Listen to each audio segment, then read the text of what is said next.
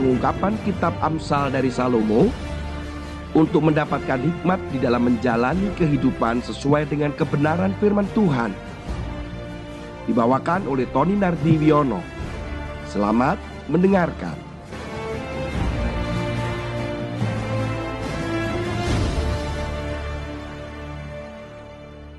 Shalom Bapak Ibu sekalian Kita akan masuk dalam renungan kita pada hari ini yang terbaca di dalam firman Tuhan Di dalam Amsal pasal yang ke-11 ayat yang keempat.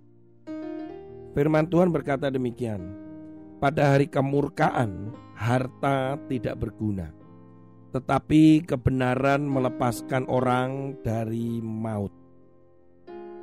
Saudara kekasih di dalam Tuhan, kita berpikir bahwa orang yang mati, orang yang meninggal, itu akan membawa apa saja. Itu kadang yang dipikirkan.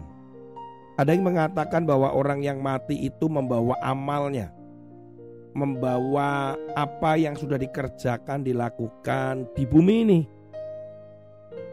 Bahkan ada beberapa kebudayaan yang mana orang yang meninggal kemudian dikirim rumah, kendaraan, uang yang mana itu dibakar.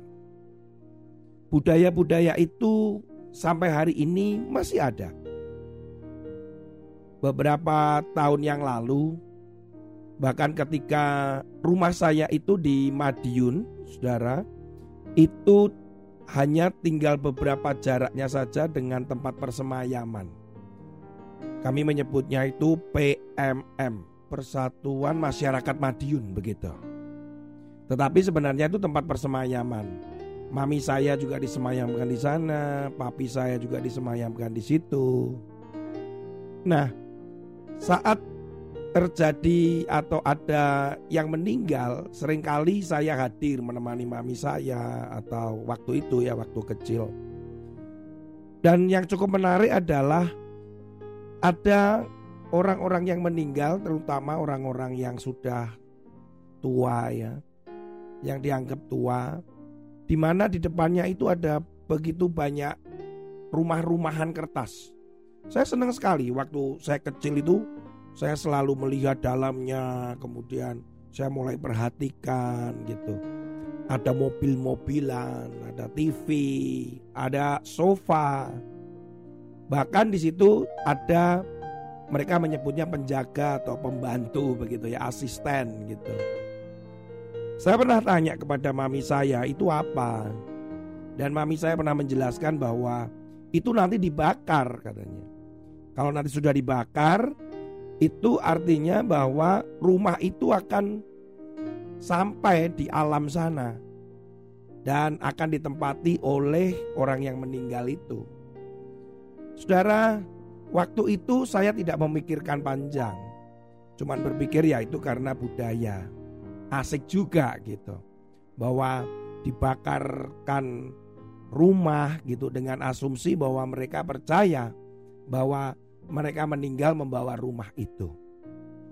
Tapi suatu hari, saudara, suatu hari ketika saudara dari papa mertua saya kemudian sedang membakar uang yang di mana uang itu katanya diperlukan oleh saudara yang meninggal. Kemudian itu dibakar sebanyak-banyaknya mereka menyebutkannya itu uang apa gitu yang warnanya kuning emas keemasan itu dibakar Sementara jenazah dikuburkan. Kemudian saya tanya untuk apa gitu. Ya ini engkong lagi memerlukan uang jadi kita harus kirim uang.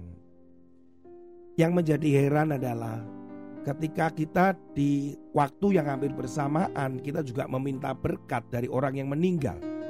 Sementara orang yang meninggal memerlukan uang dari orang yang hidup dengan dibakar, kemudian mereka yang meninggal akan menerima uang itu dan mereka akan mengirimkan berkat itu. Jadi seperti sebuah circle, sebuah lingkaran yang sepertinya nggak ada habisnya. Kita meminta berkat kepada orang yang meninggal, sementara orang yang meninggal memerlukan uang. Mereka mempercayai memerlukan uang dengan kita membakar uang kertas. Saudara, apa pun budayanya bukan hanya budaya seperti itu, agama-agama yang lain pun pernah melakukan itu. Baik itu di suku-suku di Indonesia pun juga demikian. Bahwa mereka percaya bahwa mereka pulang itu membawa banyak harta. Seperti orang-orang Mesir. Ketika raja itu meninggal, maka mereka membangun sebuah piramid atau piramida di mana piramida itu berisi harta. Biasanya orang kaya atau raja itu dia akan dikuburkan di situ dengan menyimpan harta hartanya bersama dengan istrinya atau permaisurinya di sana. Nah, biasanya para raja atau orang kaya itu akan menyimpan harta itu dengan sangat sulit untuk ditemukan. Karena mereka mempercayai bahwa ketika mereka meninggal, harta mereka juga harus ikut bersama-sama di alam baka. Belum lagi di China yang ada sebuah tentara patung yang begitu banyak di mana kaisar ini percaya ketika nanti meninggal dia memerlukan pengawalan dari patung-patung itu. Saudara kekasih di dalam Tuhan, kita sebagai orang percaya hal itu tidak kita percayai. Kita tidak mengikuti budaya itu. Yang ada adalah kita percaya bahwa begitu kita pulang ke rumah Tuhan dikatakan bahwa pada hari kemurkaan itu adalah di mana kita saatnya kita berganti alam. Saat Tuhan Yesus menemui saudara secara pribadi, saat ajal, saat waktu habis, kemudian kita pulang. Seperti masa-masa seperti saat ini yang begitu kematian kabar itu cepat silih berganti hari demi hari, jam demi jam. Kemudian mereka meninggal dengan kabar itu mengagetkan kita satu persatu. Saudara, sebagai orang percaya, kita tidak pernah mempercayai bahwa kita pulang dengan membawa apa pun. Kita pulang itu dikatakan di dalam Amsal, kebenaran itu yang melepaskan orang dari maut. Ada orang yang ketika menjelang sakratul maut, artinya sedang menjelang dalam kematian, mereka berteriak ketakutan. Dan mereka yang dilihat adalah kegelapan dan takut dan takut dan takut. Saat itulah sebenarnya kebenaran itu harus dimiliki. Karena kebenaran itulah yang melepaskan orang itu dari kematian kekal. Siapa kebenaran itu? Yaitu Yesus. Saudara, ketika saudara percaya kepada Yesus, tidak akan pernah ada yang namanya kematian kedua. Tidak ada kematian kekal, yang ada adalah kehidupan. Karena Yesus itu adalah kebenaran. Dia mengatakan bahwa akulah jalan, kebenaran, dan hidup. Tidak ada seorang pun datang kepada Bapa tanpa melalui aku. Jelas sekali bahwa Yesuslah yang membawa kita pada keselamatan. Di mana dikatakan dalam Amsal kebenaran itu yaitu Yesus melepaskan kita dari maut. Ada juga budaya ketika mami saya meninggal di tahun 2001 Desember. Saat itu ketika saya pulang, mulailah budaya beberapa mulai dimasukkan. Yang pertama adalah lilin. Saat itu lilin diletakkan di depan jenazah mami saya. Saya berkata untuk apa? Supaya jalannya mami terang tidak perlu saya bilang. Jalannya mami sudah terang.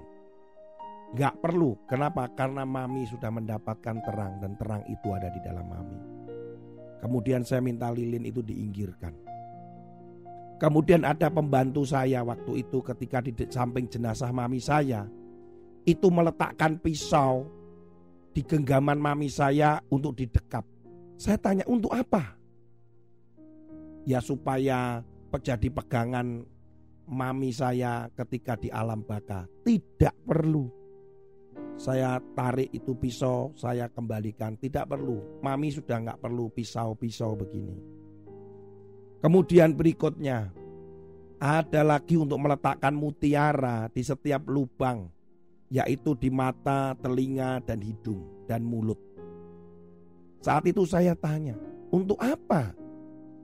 Ya supaya itu matanya terbuka, cerah ketika di alam baka dan sebagainya. Saya bilang tidak perlu.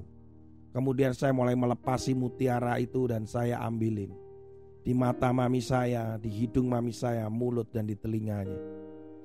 Saudara kekasih dalam Tuhan, orang dunia berpikir apa yang bisa dibawa oleh orang yang mati. Tetapi kita sebagai orang yang percaya, yang kita bawa itu adalah iman kita. Karena firman Tuhan berkata bahwa aku datang itu mencari adakah iman di bumi ini. Adakah saudara dan saya masih percaya kepada Yesus? Apakah saudara dan saya masih mengenal Dia sebagai Tuhan dan Juru Selamat? Tidak perlu membawa apa-apa, apalagi ketika meninggal membawa Alkitab. Di dalam peti mati diikutkan Alkitab, di pakaian macam-macam. Untuk apa? Apakah dia akan membaca Alkitab? Tidak. Wong Alkitab saja kadang nggak dibaca waktu dia hidup, kenapa waktu meninggal dibawakan? Saudara, ada begitu banyak adat-adat yang kadang-kadang membuat saya geli. Saudara kekasih di dalam Tuhan, kita sebagai orang percaya bahwa kita tahu bahwa orang yang meninggal di dalam Tuhan itu ada di mana. Orang yang meninggal di dalam Tuhan itu sudah diselamatkan. Wahyu di dalam Wahyu pasal yang ke-14 ayat yang ke-13. Dan aku mendengar suara dari surga berkata, ini Yohanes, tuliskanlah Berbahagialah orang-orang mati yang mati dalam Tuhan sejak sekarang ini. Sungguh kata roh, supaya mereka beroleh beristirahat dari jerih lelah mereka. Karena segala perbuatan mereka menyertai mereka. Kata-kata di dalam Tuhan. Saudara, mari kita merenungkan sejenak. Apa yang akan kita bawa? Ketika kita nanti mati. Gereja yang besar, harta yang melimpah, reputasi apa coba? Apakah kita akan membawa kekayaan kita? Apakah kita akan membawa rumah yang besar? Bahkan membawa segenap pelayanan-pelayanan kita yang hebat-hebat. Saudara, Tuhan hanya melihat iman Apakah kita masih di dalam Tuhan? Kita mempercayai Dia dan mengenal Dia. Kita tidak akan membawa apa-apa, saudara. Mari kita merenungkan lebih dalam. Apakah kita siap untuk mempersiapkan segala sesuatu itu, yaitu iman, saudara, yang di mana di dalamnya ada kebenaran, dan kebenaran itu adalah Kristus. Tuhan Yesus memberkati saya berdoa supaya renungan hari ini menjadi perenungan yang dalam. Apa yang kita siapkan untuk menghadap Yesus? Menghadap Sang Maha Kuasa itu. Tuhan Yesus memberkati saudara. Haleluya. Amin.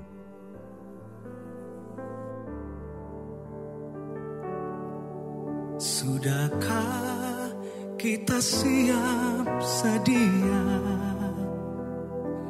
menghadapi datangnya Yesus kelak kembali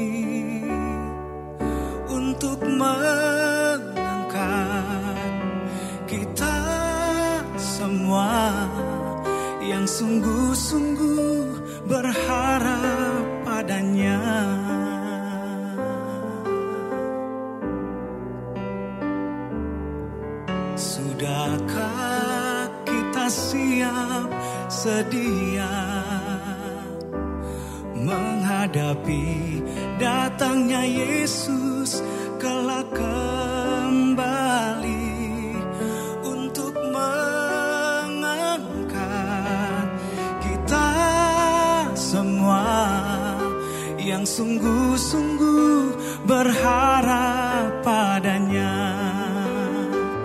Mari kita sembah Yesus.